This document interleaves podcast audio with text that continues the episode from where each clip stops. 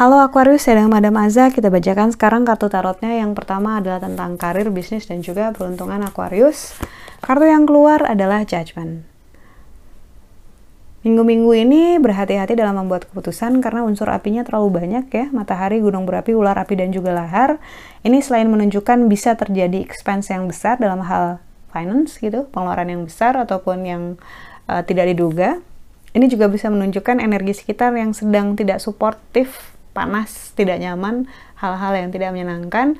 Namun, you'll be fine, kamu akan baik-baik saja. Karena pada saat kita punya kekuatan secara mental gitu ya, karena kita tahu apa yang ingin, kita kejar, apa yang ingin kita raih, kita nggak akan terpengaruh dengan mudah dengan energi panas itu gitu. Jadi selalu kembali bahwa uh, I am my own heaven, I am I am my own hell I am my own heaven gitu.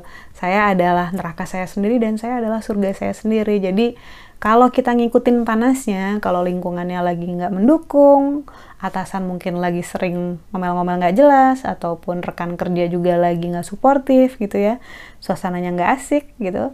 Tapi kalau misalnya kita ngikutin mereka, kita bisa kebawa energinya jadi nggak asik juga. Gimana caranya diasikin aja ya?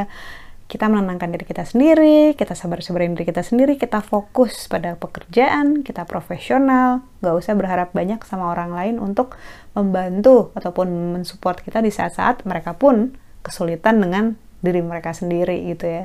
So, kita jadi mandiri aja, belajar lebih mandiri dan menentukan saya mau bawa energi saya ke sini gitu. Walaupun yang lain sedang tidak suportif, it's okay. Nanti juga akan berubah fasenya, akan berubah masanya.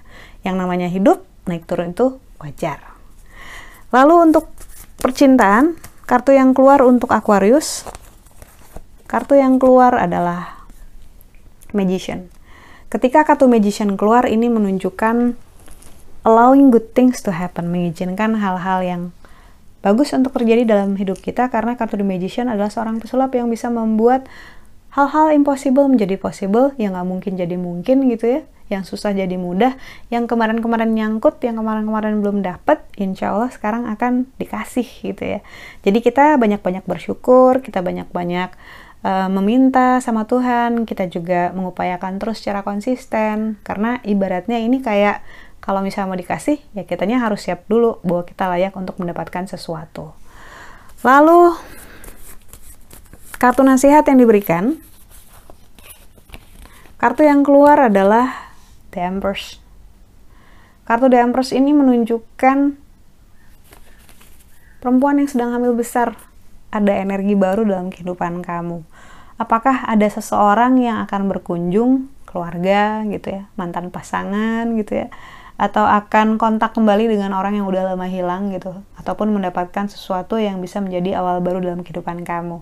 So, kartu The Empress menunjukkan adanya energi baru dalam hidupmu yang merupakan ini merupakan satu hal yang bagus gitu. Jadi uh, kita doakan saja semuanya hanya untuk yang terbaik buat kamu.